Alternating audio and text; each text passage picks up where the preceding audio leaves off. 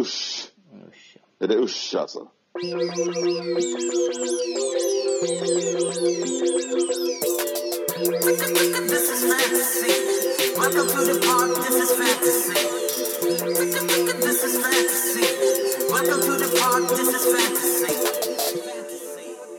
Yes. Då är det faktiskt podcast igen. Även om man inte tror det så är det sant. Eh, och eh, tyvärr sitter vi inte i eh, Holmenkollen-studion tillsammans idag. Och ej heller i City-studion. Utan det är, vi är på varsitt håll, professorn. Du är hemma, jag är hemma. På länk, fredagkväll. Sent på fredagkväll. Det är lite mysigt tycker jag. Lite myspodd. Du eh, snackade myspodd och även whiskypodd. Kommer det påverka kvaliteten någonting idag? Eh, det hoppas jag. Från det var vilket håll. Men, eh, men det var ändå nice tycker jag att, att få tuta i frugan ett par glas vin här också innan. Så hon somnar fint nu så vi kunde podda i tid här på kvällen.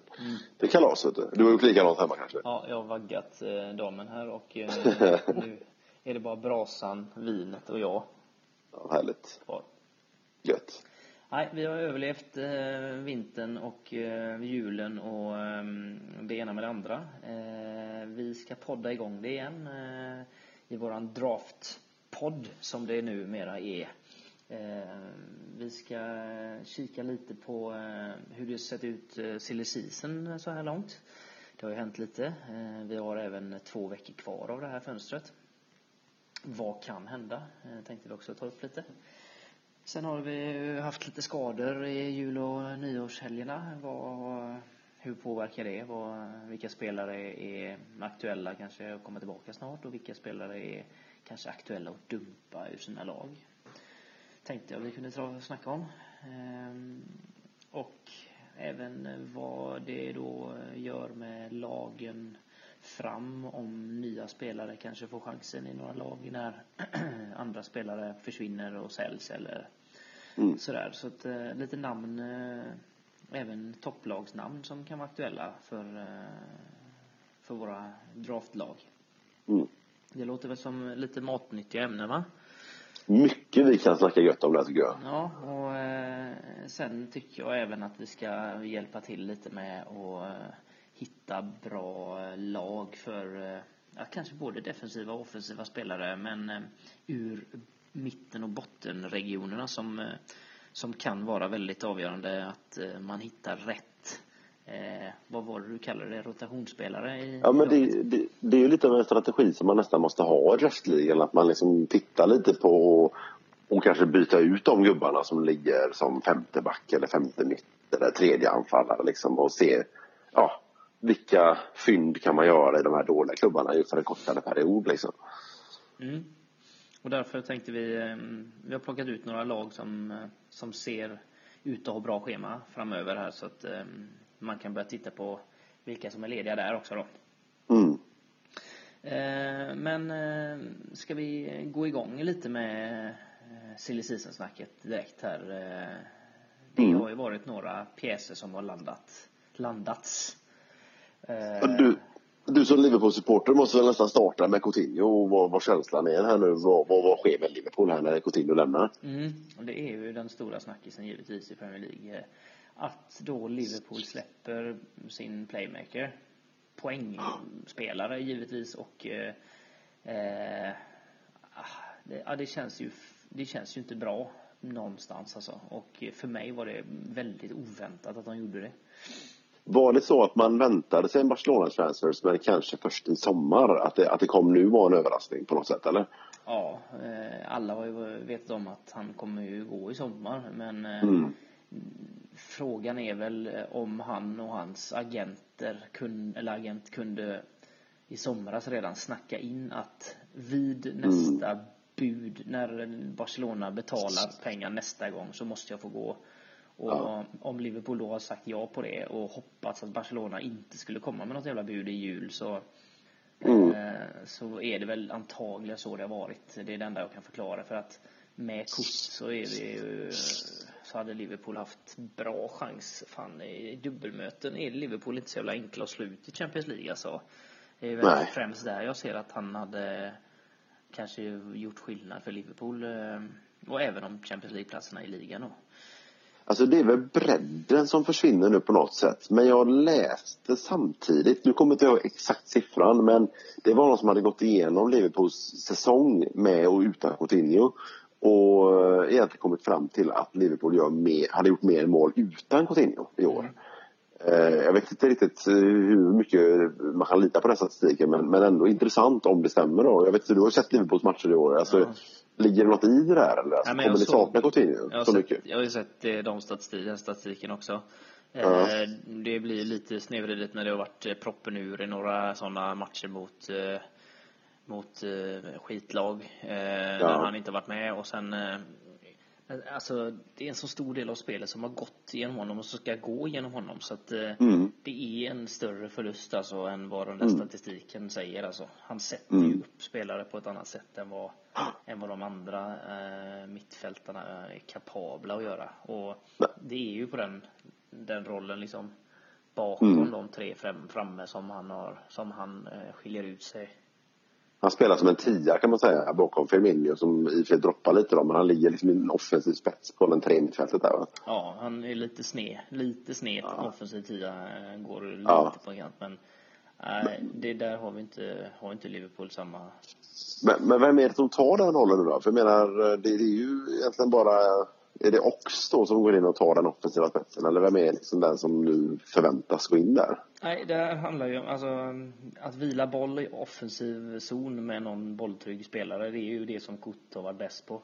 Eh, Ja. Och eh, när han har spelat en av de tre mittfältspositionerna så, så har han kunnat hålla i bollen och stå still med den mer eller mindre. Och det är ju en Ja. spelare som Ox är ju helt oduglig på, och, på just Ja. det spelet. Så att eh, det är inte han som kommer kanske ta den rollen. Men om man skulle ta, som spelare och som hur, hur, de, hur de är som liksom vad de kan så är ju nog Lallana den spelare som, som, kan, som Klopp kan försöka snickra in i, i den rollen där då. Men har de vänt lite på den här mittfältstriangeln när Coutinho inte har spelat? Har de liksom hellre gått för en defensiv mittfältare och två eh, mittfältare framför den lite mer på linje om du förstår vad jag menar? Att du får en triangel fast med defensiv balans. Jag har Eh, nästan hela tiden spelat med en släpande och så två fram men det är det att Kort dra mer framåt. Ja, Coutinho har ju en helt annan förmåga liksom. Och när, eh, vem det nu är som spelar på de andra där, om det har varit eh, Mm. Kahn eller Wijnaldum eller eh, de andra. Det, är liksom, det, det händer inte samma saker och, Mm. Nej. och eh, motståndarna backar inte när de har bollen utan eh, de går på och då, De pressar. Ja, Ja. och då, då händer det helt andra saker. Men Lallana som sagt, jag, jag, jag har lite tro på honom där faktiskt. Att han, eh, han ska kunna snickra ihop någonting. Hoppas han får chansen i, i den mer eller mindre identiska rollen där. Som, Men, men tror du fortfarande på ett bra offensiv potential i den trean man har längst fram när man är Firmino och eh, Salah nu när Coutinho går? Eller, eller tappar de potentialen tycker du? de tappar. Eh, om jag skulle värdera de tre där framme så tappar alla tre i värde. Mm. eh, i min bok. Och eh, Mm. framförallt tror jag faktiskt att eh, Firmino tappar i värde. Eh, Mm. Han och Coutinho har ju egentligen, mm, det, det har varit så tydligt hur mycket de vill spela med varandra. Så att, eh, Mm. och han, Firmino är ju inte den världsdribblen eller världsforwarden på det sättet. Men han är jävligt bra på ihop med någon eh, duktig Men passningsspelare. han, han, han länkar ju på något sätt anfallet och mittfältet på ett väldigt fint sätt. Mm. Du ser ju ofta när du, går, när du kollar på heatmapsen på Liverpools eh, spel eh, så ligger Firmino inte alls längst fram i banan utan han Nej. droppar ner ganska långt och både Mané och, och Salah är ju mer av de två anfallarna då. Mm. Så ja. Ja, eh, men eh, jag, jag sätter någon poäng på att eh, Lallana eh, löser rollen och så kanske att Wijnaldum får chansen också att komma fram lite mer. Han är inte helt dum alltså. Han har inte den här lilla supertouchen men, men han, är, han är inte oäven eh, på att slå bra passningar ändå alltså. Men det är ju två spelare som man kanske inte har i draften egentligen då, Wijnaldum och Lallana. Det är någonting som du är då öppnar för att det kan bli intressantare spelare framöver. va? Verkligen. Och Ja. eh, Lallana har nog blivit eh, upplockad en hel del eh, draftligor, det tror jag. Eh, Mm. Faktiskt. Men Men det- sen får vi se om, om, om Wijnaldum också kan ramla in där. Men han är väl lite defensivare i utgångsläget. Har man någon tro nu på att Liverpool köper in, alltså kommer man betala ut han Keita och ta in honom tidigare? Löser man det eller kommer Mahrez som det ryktas om eller vad, vad är liksom Liverpool-supportrarnas Nej, det är ju nu? Det är Keita. Eh, Ja. Om de orkar betala. Alltså, jag tror de ligger ute med drygt 50 miljoner pund på honom. Så att eh, om Ja. de ska lägga 10, 12, 15 miljoner pund till för att få honom de här Mm. sprinten in i vår här nu. Det, det vet jag inte om de Mm. orkar med. Eh, då blir han ju ruskigt, ruskigt dyr alltså. Men för de som har sett Keita så eh, är han ju en jävla förstärkning alltså. Han kommer bli en drömspelare för Liverpool nästa år. Tvåvägsspelare, men, men han är ingen, han är ingen Coutinho. Nej, han är verkligen ingen Coutinho. Det är väldigt långt ifrån speltypen Coutinho, men eh, eh, han är, han är lite, Box to box eller? ja, box to box. Han är lite eh, blandning mellan, om du mixar Seb- Sebastian Eriksson och, eh, Seba, eh, Wernbloom. Sebastian Eriksson. Wernbloom. Vad har du då? Keita? Eh, nej, men jag skulle säga kanske Kanté och eh, Sané. Där har du, eh, du mixen mellan de två så har du, eh, så har du Keita. Eh, Men det är inte omöjligt att han kommer faktiskt. Eh, De är ju Men är ju- griniga i, i Tyskland men eh, afrikaner som sätter sig på tvären eh, är, är aldrig roliga att ha i ett lag så att eh, eh, Det var, det var en skön generalisering får jag säga. Ja, det får jag säga också. Eh, Det, det kanske inte är nej, väl nej, men politiskt så, korrekt att säga så men det, det, så, det får man säga ibland. ja, man får göra så ibland. Men du, jag tänkte på... ehm, Eh, ja, vad fan, Mares. Eh, Men det är inte aktuellt eller? Han är inte heller Coutinho. Nej. Nej, jag tror faktiskt inte att det är, aktuellt. Eh, Däremot, eh, om vi ska glida vidare i Silly-snacket så är det väl Mm. Sanchez, San, San, Sanchez eh, Mm. replacement. Eh, jag vet Mm. inte vad Arsenal-gubbarna säger men Mares, det kanske Mm. vad, vad tror du själv om Han- Sanchez, Sanchez-flytten? Alltså det känns ju som att han är en given spelare för eh, Sané Sterling-rollen i ett City under Pep. Det känns ju som att han är som klippt och skuren för det tycker jag. Eh, och det är ju det han... Jag kan inte förstå att han inte skulle gå till City nu eh, med de pengarna de verkar betala med ett halvår kvar på kontraktet. Eh, men nu har ju United alltså anmält sitt intresse på allvar här och pungar upp mer pengar och slänger på Mkhitaryan i bytet till Arsenal. Eh, och alltså det, är- det är ju jävligt eh, intressant att se om de kan hijacka detta nu men jag tror ju inte han passar på långa vägar lika bra in i United som City. Nej. Eh, Ja, laget är ju färdigt i City för honom. Ja. Det är bara att glida in på en räkmacka. Och Mm, mm. Om man haft har Guardiola som tränare innan. Det har Ja. man haft. eh, Och nej, jag ser ingen möjlighet att Guardiola skulle släppa honom nu som de har snackat om i ett år redan. Liksom.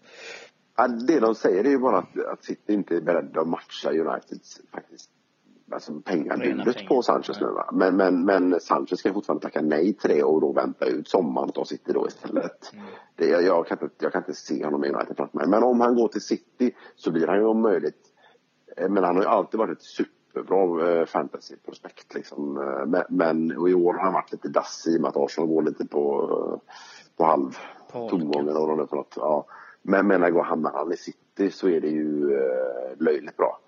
Men då får ju Sterling och Sané-ägarna passa sig för, eh, för vad som kommer hända med deras platser i laget. Mm. Ge mig en procentchans på att han byter till City då. Nej, jag tror det är 50-50 alltså. Mm, det, det är det inte alls givet. Jag Tror tror det är lite mer eh, procent på att han går ändå. Så att, eh, ja, om de får casha in ägarna eh, i Arsenal på någon på de tre månaderna där så gör de nog det. Mm. Men annars är det inga speciellt spännande rykten runt varken City eller United eh, nu i silsitsen. Det har inte varit någonting på gång där direkt annars. Men tror du inte Sanchez-ryktet gick igång lite nu när Jesus eh, gick av? Jag menar Sanchez hade väl klarat att spela mitten om Agüero får sina, sina dåliga lår i vår som han brukar Mm. Ja, få ja. så eh, är, ju, är det inte fel för dem att backa upp med Sanchez där heller. Nej, nej, nej, absolut inte. Nu är väl eh, Jesus tillbaka på en två, tre veckor tror jag de sa. Så att, eh, det, är inte, det blir inte så länge som man först trodde. Det kan ju vara att det också gör att det svalnar lite med den eh, hetsen att få in honom, Sanchez.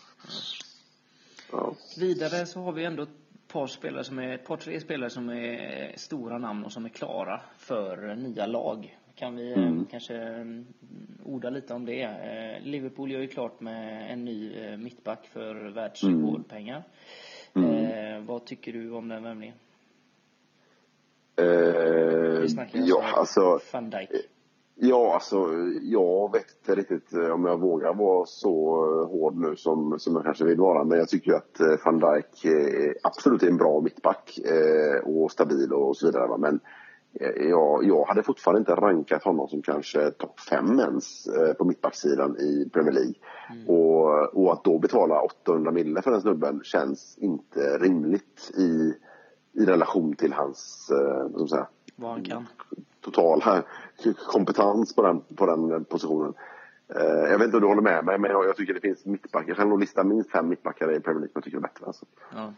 Ja, sen är det ju, ja visst man kan, man kan säkert ranka eh, flera mittbackar bättre men att få loss dem från storklubbar, det är ju det som är omöjligt för Liverpool. Liksom. Mm. Så att eh, det är väl enda är att de tycker att eh, det är den bästa mittbacken som inte spelar i City, United, eh, Arsenal, eh, Real Madrid, Ja, Barcelona och etc. Liksom. Det är ju där man måste hitta detta utanför England. Jag menar, det, han, de betalar ju tre gånger så mycket bara för att han spelar i England. Och han är inte engelsman så han fyller inte någon kvot när det gäller eh, homegrown players eller så. liksom. Så, jag förstår inte riktigt varför de inte men klarar av att bättre scouting utanför. Men här tycker de ju då att han är den bästa som inte spelar i ett eh, topplag liksom. Den bästa Ja, i okej. världen. Ja, ja, ja. Det är det de eh, ja. Betalar för. Ja, ja, alltså vi får hoppas de har lyckats. Eh, Liverpools mittbacksvärvning de sista åren har inte varit helt kalas direkt. Så, så, men låt oss hoppas att det, att det funkar nu för de behöver ju den defensiva stabiliteten där. Och Matip och han tillsammans, det ser ju stabilt ut eh, förhoppningsvis. Ja. Nej, men han gjorde ju en dröm, eh, drömstart givetvis och Ja. göra mål eh, framför The Cop och eh, avgöra i första matchen. Så att, bättre än så kan det inte starta. Men du, så du menar att vad det, som, men det, som är, det som är på något möjligheten här då i draftserien är ju att du kan gå mer in på Liverpool-försvaret, att vi tror mer på nollor då. Det är ju det eh, som kan vara ett potential. Va? backlinjen eh, i värde eh, när de får in honom då.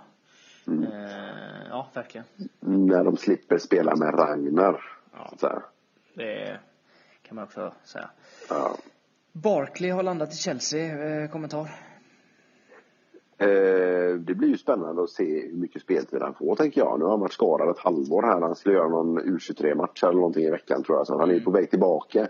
Eh, men Conte sa väl att eh, här är det en bra bit kvar. Så han är liksom up and, eh, alltså på 100 procent. Men vilken plats ska han ta? Ja. Är han tänkt som en av de tre offensiva pjäserna och då konkurrera, konkurrera med William och Pedro, och Hazard och, och Morata och så vidare? Eller, eller ska han ligga i den, i den raka eh, liksom, tvåan där med, med Fabregas, Bakayoko Kanté-gänget där bakom? Mm. Det blir väldigt, har inte, eh, ja. Väldigt intressant att se vad han tänker med honom där. Och det, jag gissar på att han inte är en konkurrent till, till Kanté utan det är i sådana fall mer till Fabregas som han blir en konkurrent då om man ska spela i den delen av, av laget. Och det är väl kanske det som jag tror mest på att han kommer att göra. Värde på, sånt box honom, box. värde på honom om man får eh, en av de offensiva platserna då i, i Chelsea var, eh, Alltså hamnar han, i den, own då i alla ligor eller? hamnar han i den trean där så tror jag han blir, då blir han ju jävligt fint värd antagligen. Eh, men jag tror inte han gör det. Eh, men hamnar han i Fabregas-rollen så är han fortfarande en, eh, alltså då är han ju i en eh, en Pogba, och, alltså En bra- han och Pogba kan man då likställa i sån form av roll i laget kanske och, och kan göra en hel del poäng ändå liksom. Sen är det väl eh, frisparksfot och hörnfot som också kan, eh, kan Ja. ge lite extra poäng där så att eh, Han har ju en bra bössa utifrån plan också när han tar långskott sånt. Så han har gjort en hel del därifrån. bysse som eh, Emil sa. Eh, vi har landat eh, en spelare i eh, Everton också, en forward. Kan du någonting om Tosun? Jag vet bara att han har gjort mycket mål i turkiska ligan och ansetts vara, om inte, ja, i alla fall, jag tror, ja, den bästa forwarden de har just nu i Turkiet. Mm. Så det är väl med den bakgrunden som, eh, som man kan ändå ha någon viss förhoppning på att han ska vara den här han kommer ju i sådana fall att gå in och peta eh, Calvert Levin eller Niasse då som spelat längst fram framför Rooney och, och ta den platsen då liksom. Och klart att får han den platsen eh, och får en hyfsad start så kan han ju bli ganska så bra tror jag. Bakom, alltså, det, det, är en- det, är- det är ju ett oskrivet kort Men det finns ju ett potential där liksom. Ja, jag har kikat en del på honom. Jag har sett honom lite i matcher Ja. innan och så kikat på honom. Han, är, eh, han ser faktiskt ganska bra ut. Eh, Mm.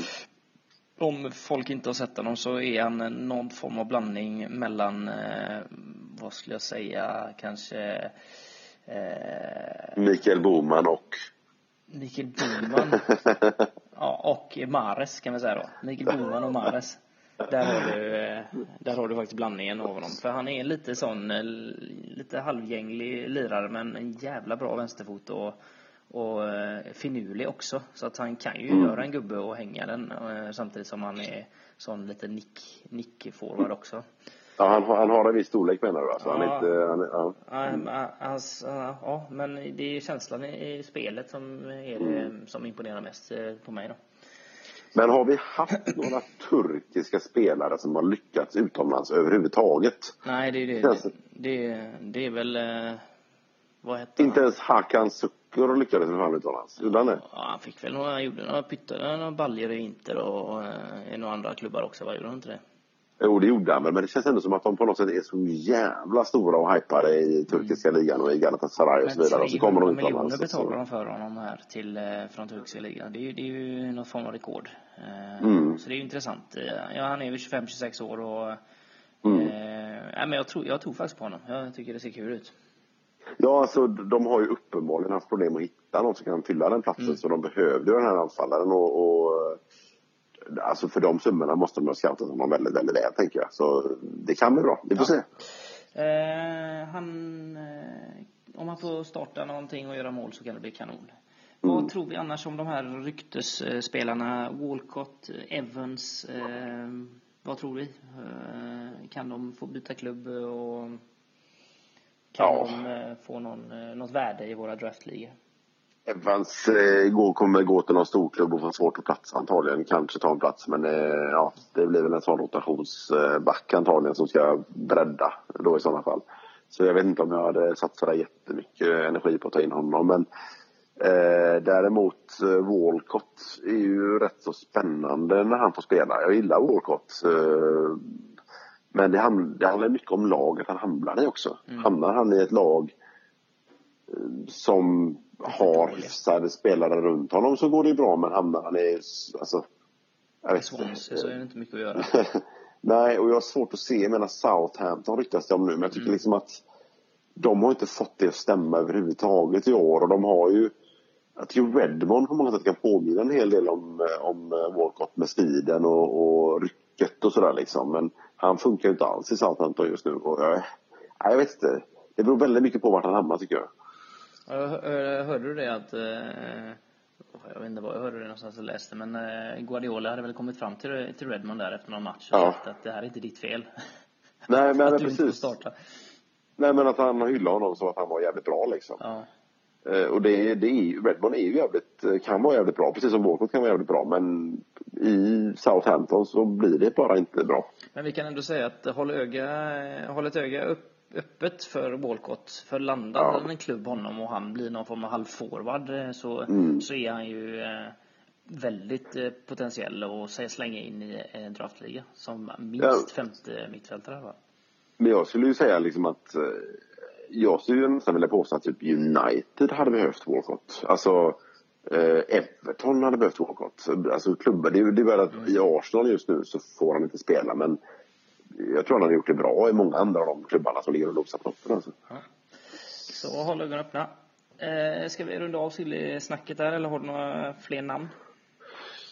Nej, det blir jävligt spännande nu bara. Jag tycker att man har stora förväntningar på januarifönstret men så blir man oftast ganska besviken. Det kommer liksom inte så mycket in som man hoppas på och tror på. Eh, Men det är klart att de som sitter nu med, med eh, förstahandsvalen i draftligorna här, de har ju första king på det som händer. Så det är, ju, eh, det är ju viktigt att följa med på och det är ju det som kan vända trenden kanske när man ligger dåligt till i sin liga, att man kan få in en av de gubbarna som nu kommer i, fönstret liksom. Ja, Sänk dosen. Mm, Ja, var med där nu gubbar.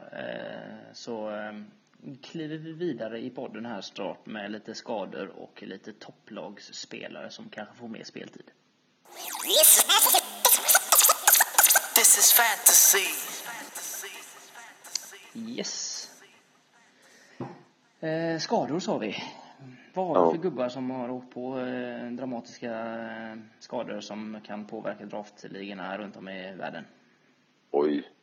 Ja men eh, du tänker nu sen eh, alltså jul, julperioden alltihopa här eller? Ja, Ja, då är det ju, det första man tänker på är väl Jesus då, som åkte på den eh, skadan där som gör att han är borta stund. Det är många som sitter med Jesus som ett av, eh, i alla fall runda två eller runda tre pix i alla fall, kan jag tänka mig. Ja. Eh, så den var väl sur. Ehm, men i övrigt, vad har vi haft annars av skador nu? Det har varit en del backar. Zlatan fick ju ett duktigt bakslag. Mm. Folk som hoppas på honom får ju vänta kan man säga och det känns ju som att Fan, ska vi sluta hoppas på honom eller? Men jag tror inte, när du spelar draftliga så kan du inte gå in och chansa på att en sån spelare eventuellt kommer spela lite eller kommer tillbaka om tre, fyra, fem, sex matcher. Jag tror du måste vara lite mer trygg på de spelarna du tar in i draften alltså. Mm. Ehm, och, och Zlatan, kommer han tillbaka överhuvudtaget? Det är ju jävligt tveksamt. Ja, Vad eh, känner, vad känner du? Knäskador som, eh, som spökar, det är väl, eh, och speciellt i 35-36 års åldern, det, är väl eh, det sämsta som kan hända. Mm. Eh, att det är något slagg och något eh, inflammerat och något skit där. Eh, alltså, det kan bli att det kommer tillbaka flera gånger. Så att, eh, Mm. Jag hoppas ju verkligen inte att han har gjort sitt sista mål i United, men, eh, men mycket talar väl för det va? Ja, det snackas ju redan nu om att han kommer bryta tidigt och gå i mars eller någonting. Eller att han liksom inte blir kvar hela perioden ut samtidigt som man. Och då, då är han väl nästan färdig på den stora scenen, tänker jag. En skala 1 till 10, hur dumpningsbar är han I fantasy draft. i fantasy? Han är 10 topp dumpningsbar alltså. Okej. Jesus, eh, dumpningsbar. Ett, Nej, tio. nej, han håller det på. Han är, bara, han är kvar två, tre veckor till. Det är, och, det, och då håller man på honom. Han kommer spela med det sen. Så det är rotation. ett eh, på honom då. Nej, men ja, ja nästan. Nästan. Eh, Vi har en annan forward i topplag, Giroud, som har eh, åkte på en lår, eh, lårskada där eh, i- i det tuffa matchandet, eh, även om han inte spelar så många minuter. Men eh, hur ser du på att plocka in honom? Han får ju inte spela mycket. Lacazette är ju helt, verkar ju vara helt tokgiven i Arsenal. Så, så det att sitta och hålla på Giroud som kanske får en 10 minuter här och 10 minuter där. Det tror jag inte är speciellt bra draftspelande. Alltså. De som sitter och håller honom eh, dumpningsrating 1 till 10. Ja, sju. Alltså hö, ö- övre delen av skalan garanterat. Ja, och det beror eh, främst på den eh, minimala speltiden som han kanske till och med väntar på när han blir frisk. Jo, men det, alltså, det är lite grann så här att du kan se på Citys lag. Jag, har, jag tog in Bernardo Silva en vecka i, i, min draft, i mitt draftlag. För att jag tänkte att nu, just den matchen så skulle han spela för att det roteras friskt i City. Och Bernardo Silva är ju en jättebra fotbollsspelare. Men sen spelar inte han på två veckor och det vet jag. Och då är det bara att kasta honom på sophögen. Eh, I Europa det- som spelare. Ja, det är ingen idé att hålla i honom. Du, du, Okej, han får en match eventuellt någon gång, men annars är det inhopp liksom. Det är samma kategori och det, du får ingen pålitlig poängproduktion. Eh, Vi har lite backar som är på väg tillbaka som är småskadade som har varit klassiska fantasyspelare de senaste 3, 4, 5 åren. Vi har två backar i Everton, Baines och Coleman. Yes. Eh, har du någon, eh, någon känsla Avvänta. på vad man ska göra där? Ja, ja, det, är- det är bara att vänta till man får mer tydligare besked. Coleman har varit borta i, fan hur länge är det? Det är väl åtta månader eller? Ja, det är Det länge. närmar sig ett år snart så.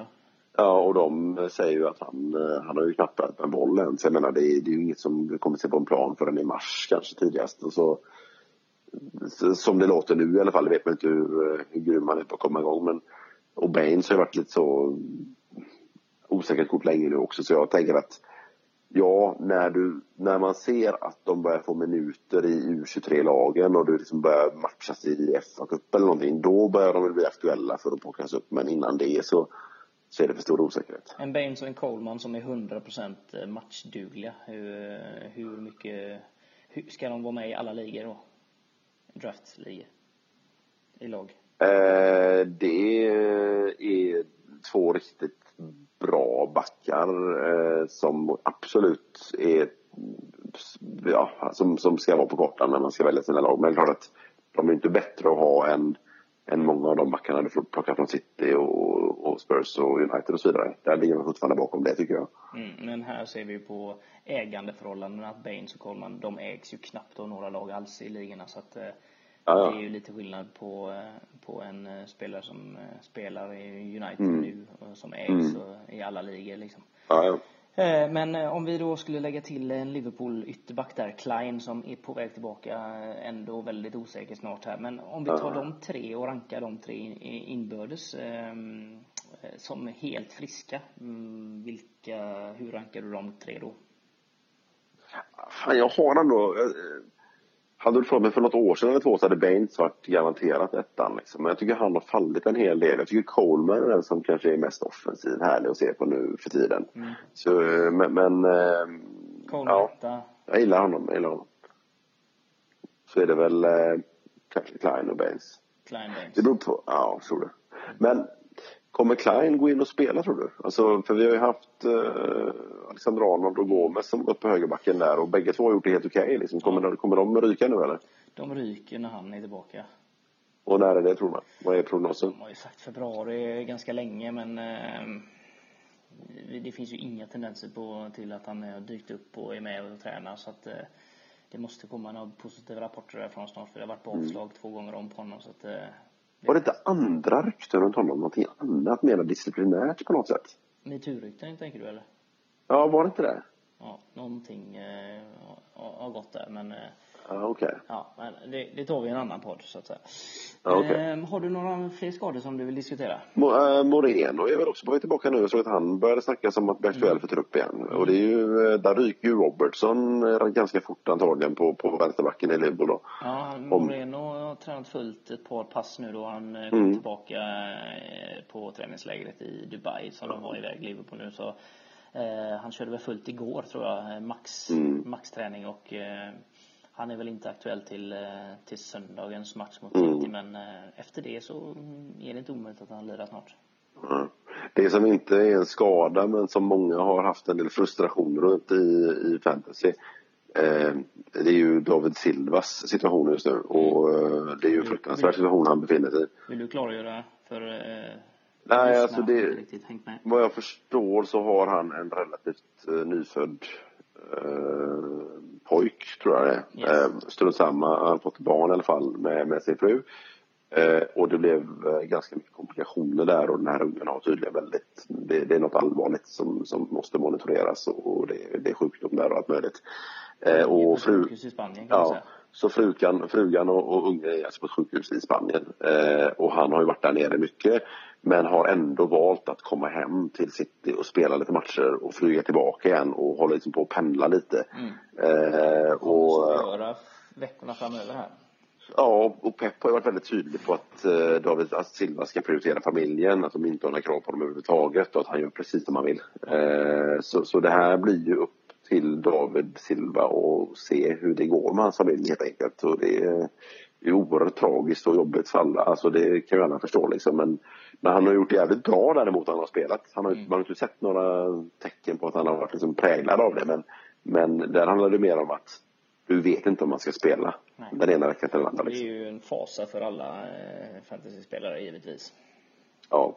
Sen vill man inte vara så jävla självisk och cynisk vi snackar om fantasypoäng när han har sådana problem. Men, Det det blir ganska många som är beredda att, vara cyniska i det läget, ja. det. Är det ja. Eh, Men dumplings, eh, 1 till 10 dumplingsfaktor på Ja, Silva. nej, den är låg ändå alltså. Den, du, du, håller på honom. Eh, tre, fyra, så att säga. Tre. Du ger honom en trea ändå. Ja. Ja, ja, tvåa då. Men någonstans där nere. Eh, yes, bra. Eh, då rundar vi väl av skadesnacket där va? This is fantasy. Welcome to the pod. This is fantasy. Och vi är tillbaka med vilka spelare som kan få kanske lite större roller eh, efter eh, skador, eh, silly season och annat. Shoot, har du någon, har du någon favoritpjäs som kan komma att bli aktuell för dig eller vem du håller span på? Det var en skada vi inte snackade om och det är kanske för att det är orelevant lag och det är ju Bournemouth och German Defoe som är borta nu. Mm. Han, kom, han slog ändå in eh, rätt bra med baljor här nu och var i en fin form. Eh, men är nu borta en längre period och då kommer Callum Wilson tillbaka från skada och tog tillbaka den platsen igen och han har ändå gjort ganska mycket mål det sista även om det var ett par kontroversiella mål där. Mm. Eh, men där, alltså där fick jag lite nys om en stat då, som jag bara måste nämna här nu. Underbart. Eh, och det är ju då att eh, om man tittar på de sista, ska se vad blir det här nu? Nu måste jag bara ta, ta fram läsglasögonen här nästan för att kunna, för att kunna se detta. Men ser du på sista eh, eh, fyra matchveckorna då eh, och, och bara kolla på skott i boxen eh, så har alltså Inte skott i råttan, utan skott i boxen. Eh, Skott i råttan står faktiskt inte här, men eh, det, jag får gräva lite djupare för det till nästa vecka. Men, men Callum Wilson har alltså då dragit av 12 skott i boxen de här sista fyra gameweeksen.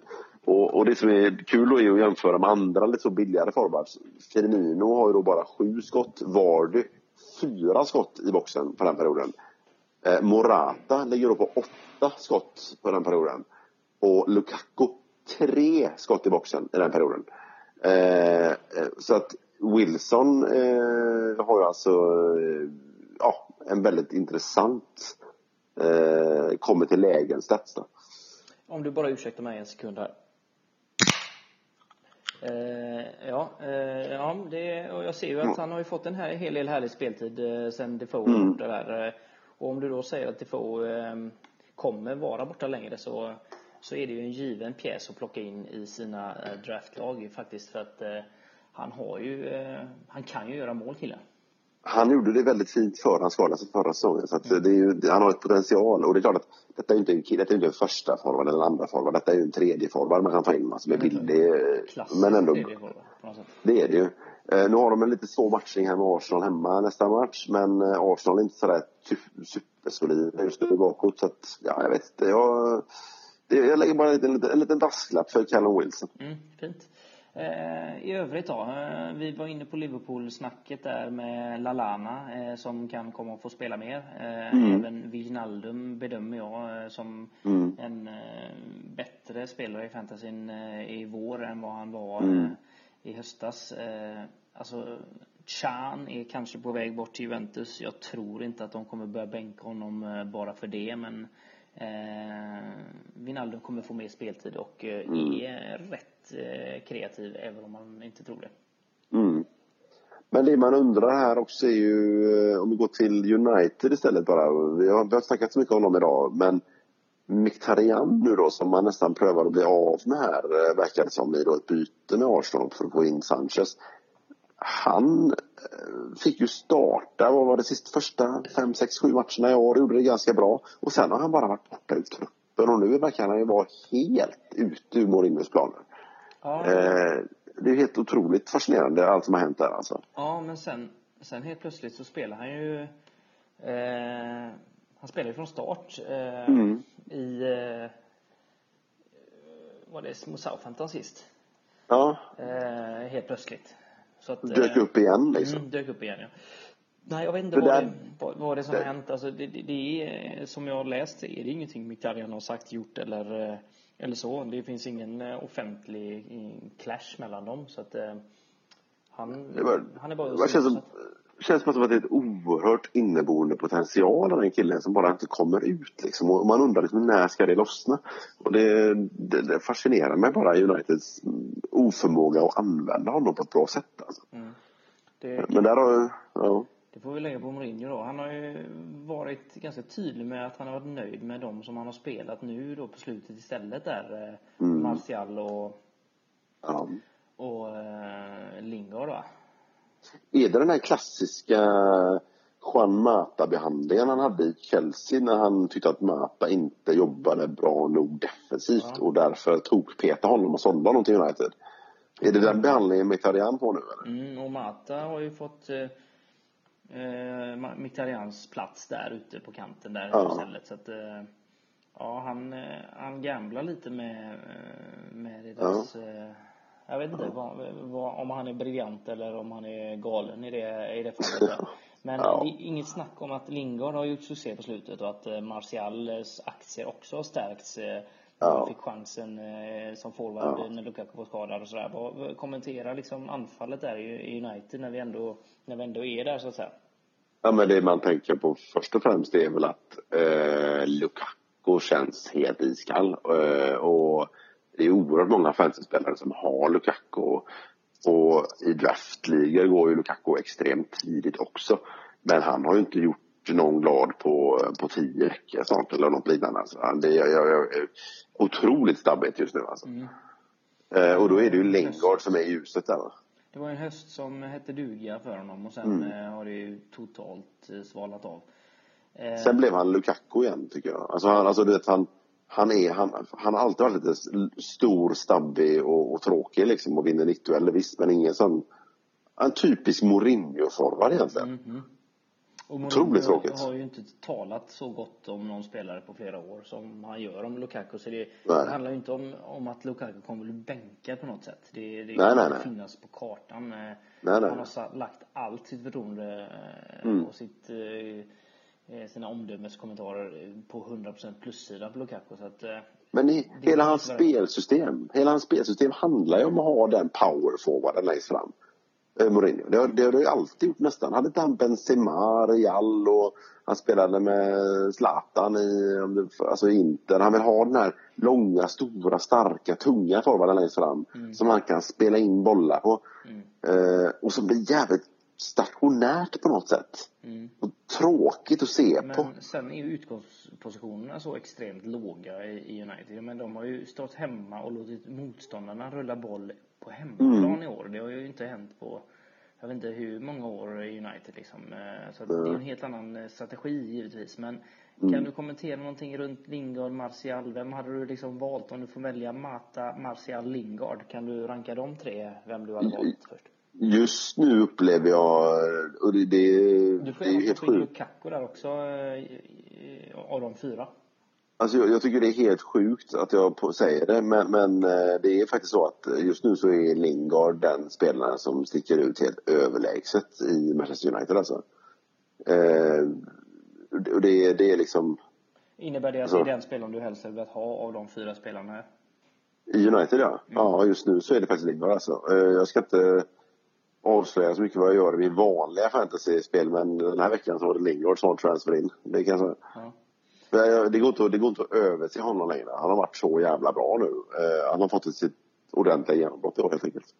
Ja, och matchminuterna, det är ju inte, det, det är inte, han gör ju, han har gjort en 90 minuters match, två, två 90 minuters matcher i år. Så att det är ju inte så att han, eh, han är start och målspelare på något sätt. eh, Men eh, han har ju eh, faktiskt satt en hel del eh, pytsar de senaste, ja vad är det, åtta omgångarna. Ja, han har gjort det jättebra. Jag, tycker jag har sett mycket matcher med United. Jag tycker han spelar, har gjort det, alltså varit jätte, jättebra verkligen också. Inte bara att han har haft flax och kommit till några mållägen och gjort några mål. Utan det har varit bra liksom. Sju mål och två de sista nio matcherna. Så att eh, det är ju det är otroligt bra. Ja, det är det. Lingard är din eh, bästa gubbe där då. Ja, och sen vem rankar du högst av? Lukaku, Martial och eh, Mata då efter, efter honom? Ja, Martial lock, han lockar man. Alltså han, han är lockande men han är, roterar lite för mycket. Han har inte haft eh, en helt fast plats eh, i den här säsongen. Nej, det är ju. Lukaku som, som sticker ut då. Och pratar vi draftliga så, så måste jag ändå säga Lukaku alltså. Före Martial och sen eh, Martial Mata. före Mata eller? Ja, det skulle jag nog säga. Men nu har Matta gjort en del ass och så sista. Men, men ändå är Martial kanske mer explosiv. Ja, om vi tar eh, Matas sista sex matcher så är det 90 Mm. minuter, 90 minuter, 82 minuter, 90, 90, 90 eh, på Ja. Mata. Så att eh, 90 minuters spelare är ju inte att undervärdera i, eh, i fantasy alltså. Nej, nej, nej, nej absolut. Och Mata gör det bra och verkar få förtroende nu. Så det är ju absolut så. Men eh, jag vet inte, han har bara inte varit den poängspelaren i United som, som han var när han var i Chelsea. Nej.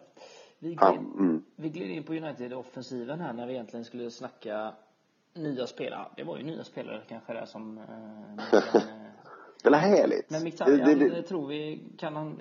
Alltså jag, jag tror ju inte att han kommer byta klubb men eh, om Mourinho säger till honom du kommer inte få spela för mig så, så då, då är det ju ett helt annat läge givetvis. Eh, Mm, Arsenal hade väl egentligen passat honom jävligt bra, hade det inte det? Ja, det känns som att han har gjort det jättefint i i en sån position bakom Lacazette där alltså. Det är eh, kalas, tänker jag. Och även, egentligen, han passar i ett 3-4-3 system där han inte behöver ta det här defensiva ansvaret. Mm. Så Chelsea, Arsenal och de lagen där hade passat perfekt för honom. Så eh, om, han, om, eh, om han får byta så eh, går hans värde givetvis upp eh, Mm. kommer till Arsenal. Ja, ja, absolut. Då får vi hålla koll på det. Det är bara två veckor kvar Mm. transferfönstret. Eh, några andra spelare här som eh, kan komma att få spela mer nu. Vi har ju snackat Silva som är mm, borta på grund av eh, familjeskäl. Gündogan eh, som inte är upplockad i så stor del av ligorna. Eh, vad bedömer hans chanser att eh, göra matcher och poäng? Ja, han spelar ju med nu när Silva är borta självklart också. Det, det påverkar ju. Och han är ju inte den, han någon Silva direkt, men han har faktiskt gjort en hel del ass och fått en hel del fantasypoäng. Så helt dålig är han inte att ha som kanske femte mittfältare eller så. Men, eh, men där är det ju uppenbar rotationsrisk så man måste vara lite medveten om eh, liksom hur snacket går och när det verkar som att han kommer att spela eller inte liksom. Het eh, skalan 1 till 10 och plocka in Gündogan nu? Nej, jag tycker den är ganska låg. Alltså en fyra på den tänker jag. Yes. Jag är ja. Fernandinho eller Gündogan i ditt lag? Gündogan går före då. Eh, sen har vi eh, även eh, ett Tottenham som går väldigt bra. De producerar ju onekligen mycket poäng. Alla de fyra offensiva spelarna som, som finns Ja. där. Eh, vad eh, säger vi om Lamela som eh, ändå har eh, förr om åren kunnat prestera nästan på samma nivå som de övriga? Jag tycker väl att Lamela, eh, även om han har gjort det bra, eh, kom till Spurs med större förväntningar på sig. Han kom som en supertalang som skulle blomma ut och liksom ta Spurs med storm på något sätt. Och jag tycker han alltid har haft problem att visa det potentialet i Spurs. Eh, och jag tycker nog egentligen att den trean som nu spelar bakom Kane, alltså Eriksson, Ali och Son, gör det så bra att eh, jag, jag tror det blir svårt för Pochettino att motivera att Lamela ska in där. Det blir kanske sporadiskt med rotation och så vidare att Son får ge vika eller att någon får vila och sådär men, men kan inte se en fast startplats just nu. Nej. En skada kan ju givetvis ändra om allting och då är Lamela Ja. en het spelare för alla fantasyligor. Ja, Draft. Absolut. Eh, kan vi få en eh, ranking här på de eh, spelarna som vi har snackat om här eh, för dig? Vem hade du helst plockat in? Gündogan, Mkhitaryan, Lamela, eh, Lalana? det var inte sexiga spelare du kommer där. Nej, vi snackar inte mittfältare. Ja, men då är kanske Lalana där som kanske kan vara roligast nu när det, när det rör på sig i Liverpool alltså. Det, det var, ja det är väl knappt kanske, men det, det måste vara offensiv, eh, alltså någon form av offensivt intresse för att det ska vara intressant för, fantasy liksom. Och det är de två spelarna i sådana fall. Men jag tror nästan, alltså, alltså om det står mellan de här spelarna, då tror jag du kan hitta mer intressant genom att gräva lite i bottenklubbarna och rotera lite istället, byta ut och ta in och sådär. Ja, vi är ju ganska fokuserade just i den här podden idag på Mm. topplagens eh, s- nya spelare. Mm, Eh, vad, eh, är det någon idé att nämna Drinkwater eh, för dig eh, när han öser in en balja, i, dr, drömlig balja i, i Chelsea-matchen där senast? Eh, Är det någon idé att ta med en sån gubbe eller är det bara Nej, det är bara att glömma direkt. Det är bara bort med det. Chelsea har vi egentligen ingenting. Det, det är liksom, det är Pedro och eh, om vi skulle säga Pedro eh, kontra Lalana då. Eh, vem plockar du helst? Ja, Pedro. Pedro. Pedro före Lalana. William du, eh, eller Lalana? William. William eller? Nej, då vet jag inte med William nu med den formen han har haft faktiskt verkar ligga före i rankingen tror jag. Mm, före Pedro. Ja. Men du, eh, där har vi ju eh, David Luiz som vi inte har nämnt nu. Han är tillbaka från skada igen och spelade i cupen senast. Eh, och ryktas starta nu i helgen. Eh, får se om det blir så. De har ju en del backar att rotera på där så det, det kan ju vara att de vilar honom en, en, en vecka till. Men- Men, han har också varit på väg bort. ja, kan du nämna någonting om det? Det har ju varit storklubbar som har dragit till honom. Ja, Arsenal United, flera av de här andra toppkonkurrenterna har dragit till Luiz och det verkar som att Conte är beredd att släppa honom. Mm, Men jag. samtidigt så har Conte låtit honom spela direkt nu när han kom tillbaka från skada. Så att, eh, jag är lite konfunderad över vad som händer där och, och David Luiz har ju ett väldigt potential Alltså, nu tänker jag mer på att hålla nollan och så självklart. Men, men, eh, men eh, får ofta ta frisparkar, är med uppe. Alltså han är offensivt hot ibland på hörnor och så vidare. Han är en, ändå en, en frejdig mittback att ha liksom. Men hade du hellre sett honom, eh, går hans värde upp om han byter klubb eller vill du ha honom kvar i Chelsea? Om man byter till Arsenal och får spela i den trean där. Eller om man byter klubb. Byter Till Arsenal. vi pratar inte om något annat. Byter han eller stannar han? Vad är mest värde på Louise? Eh, det är ju skitsvårt. Men byter han så tror jag att han får spela mer och då är han ännu mer värd. Ja. Eh, Louise värde går upp om han byter, så håll koll på den traden där. Ehm, Jag vet inte om jag redan har hållit koll på den traden. För tror kanske han är i mitt draftlag nu om jag tänker efter. Ja, Kanske, kanske den här veckan. det ser jag, det ser jag här. eh, vad eh, Arsenal-spelare, något att nämna där egentligen? Vi har ju snackat eh, Walcott och sådär, det ska inte bli för långrandigt här men Özil ryktas till United. Mm, det är ju lite intressant. Det är ju silly season-snack, skadesnack och eh, ja, de, han passar in på mycket där. Ja, Eh, verkligen. Vad tror du sanningshalten är i Uniteds fiske, fiskeattack där då? Jag tror att, att Özil är trött på att inte vinna. Jag tror han vill gå till en klubb nu. Jag tror han, han, eh, både han och Sanchez lämnar Arsenal nu eller i sommar. Och då är frågan bara, är det så att United är attraktiva nog just nu och kommer de betala den summan som de vill ha? Eh, men visst, United, Mourinho har haft Özil tidigare. Mm. Det kan funka. Och honom bakom Lukaku med då, ja, då, då ryker väl Mata i och för sig. Ja. Nej, Özil eh, kan ju få en, eh, en rätt attraktivt värde i United om han byter. eh, Özil som har snackat sig, Mm. eller snackat sig bort från klubb innan och Mm. nej, det är inte omöjligt. Det är faktiskt Men inte omöjligt. hans, var hans relation med Mourinho bra eller? Jag kommer inte ihåg. Det hade ingenting med det att göra att han lämnade då utan det var bara att han ville byta liksom. Nej, han eh, platt, eller liksom, det var väl snack om att han inte skulle få spela hela tiden, givet liksom. Ja. Men eh, Ja. jag tror ju att, eh, jag tror ju att om Mourinho vill ha honom så kan han nog övertala honom att komma. Men frågan är om han verkligen Mm. kan göra det i det här fönstret eller om det blir till sommar. Ja. Men till sommaren blir det ju.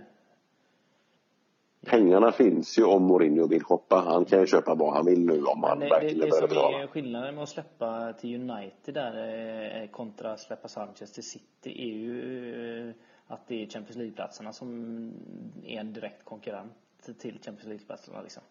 Ja, du säger just nu att City har vunnit alltså. Du sa det just nu. City, ja, City kommer de inte kunna rå på. Det är ju helt omöjligt. Det, det ju, Ja. De har både fantastiskt flyt och fantastiskt spel. Så att, nej, det är inget som gör det. Men nej, Özil eh, kan eh, kanske... Nej, nej, fan jag bedömer chanserna som 10% att han blir United alltså. Ja, ja jag håller nog med dig. Ja. Ehm, nej, men annars eh, så är det väl inget speciellt där. Ska vi, ska vi runda av eh, det segmentet där och kanske eh, gå vidare till sista, sista snackisen eh, i denna veckans podd som kommer efter den här vignetten.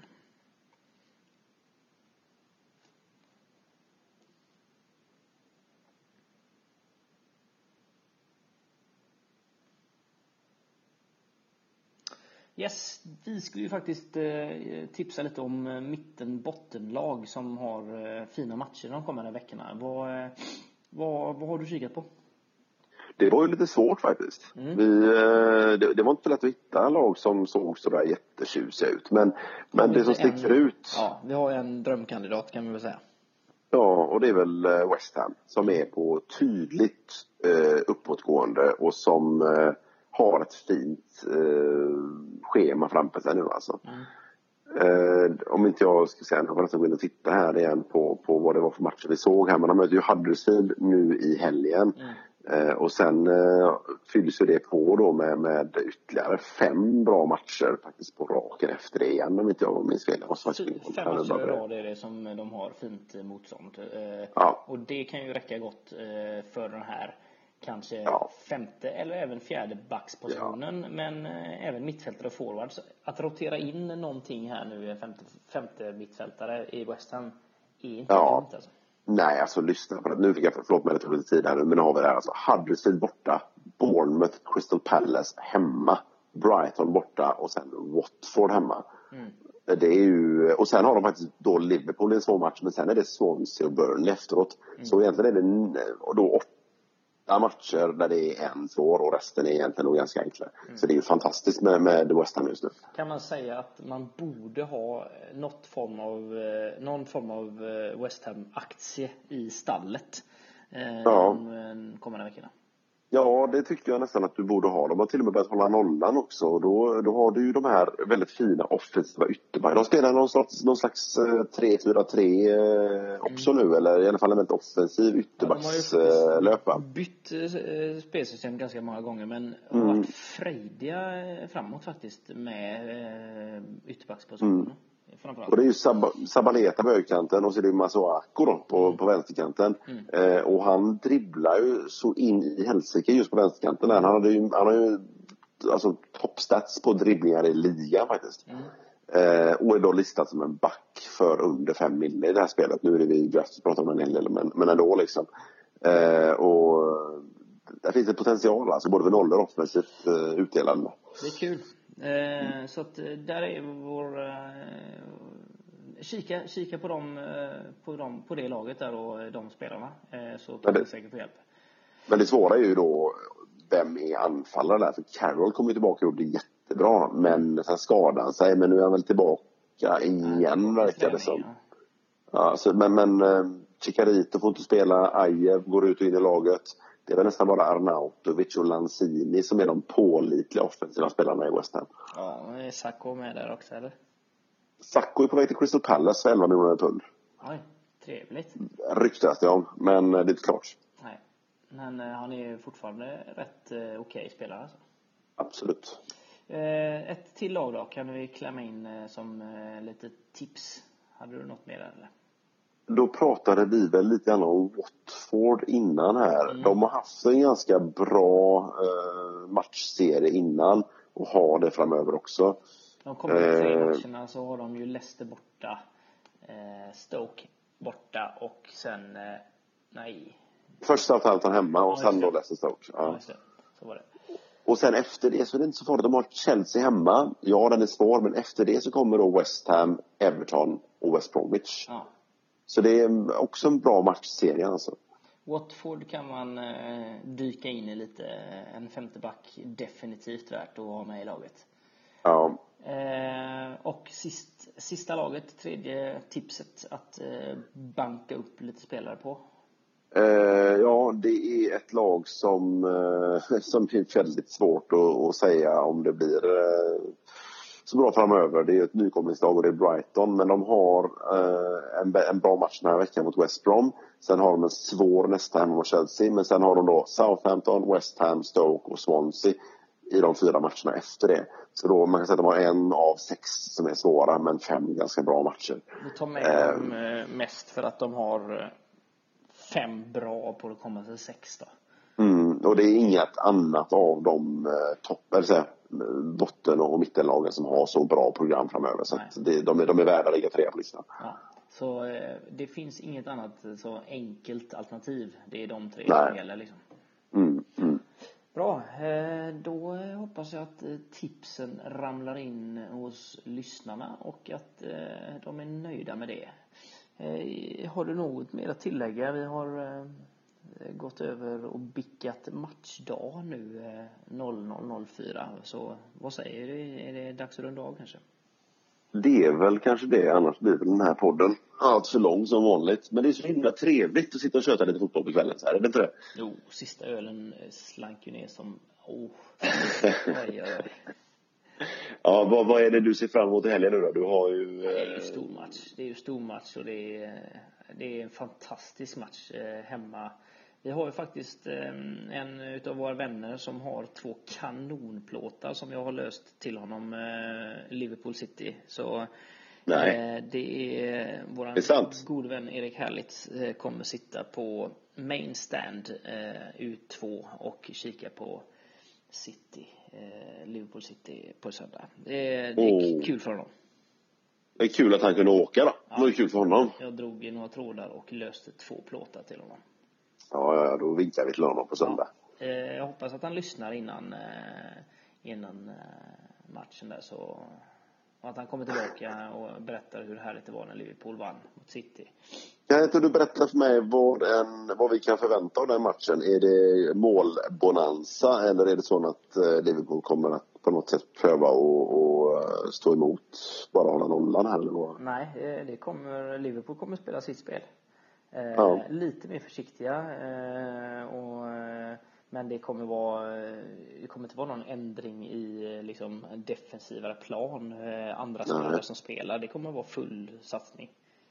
Men, vi, vi såg ju Tottenham som gick ut och prövade att sätta extremt hög press på City och det misslyckades ju kapitalt. De fick ju den stenhårt på ett ställe där solen inte skiner riktigt. Ja. Liverpool har ju en 05 i näsan eh, i höst, sen i höstas. Så att, eh, de vet ju hur man kan förlora stort mot City. Eh, men det var Det, några just därför jag frågar. Nej, Jo, jo, men, det, jo, men risken är ju ganska stor att, att Liverpool går ut och prövar att pressa lika högt igen och, och får den rätt i näsan. Jag tror inte de kommer pressa på det sättet, men de kommer inte, de kommer spela sin grej. De kommer spela, Mm. de kommer inte göra någon, någon avkall på det, tror jag inte. Så att, eh, Kommer, kommer de göra mål då? Liverpool kommer göra mål, ja. Salah? Eh, ja, eventuellt. Men eh, jag tror Fir- Firmino, jag tror Firmino kommer putta henne, putta henne i helgen ändå. Spännande blir det i alla fall. Yes, eh, det var det om det va? Ja, det var det. Annars eh, så är det Chelsea-Leicester som är fina matchen tidigt på lördagen. Och Spurs-Everton som är kvällsmatchen på lördagen. Väldigt bra match det med.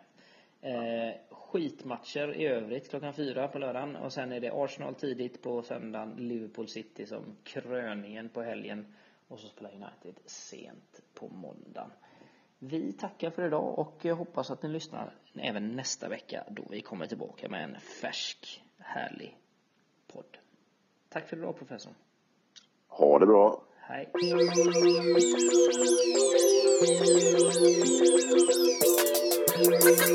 is fantasy. Welcome to the park. This is fantasy. This is fantasy. Welcome to the park. This is fantasy.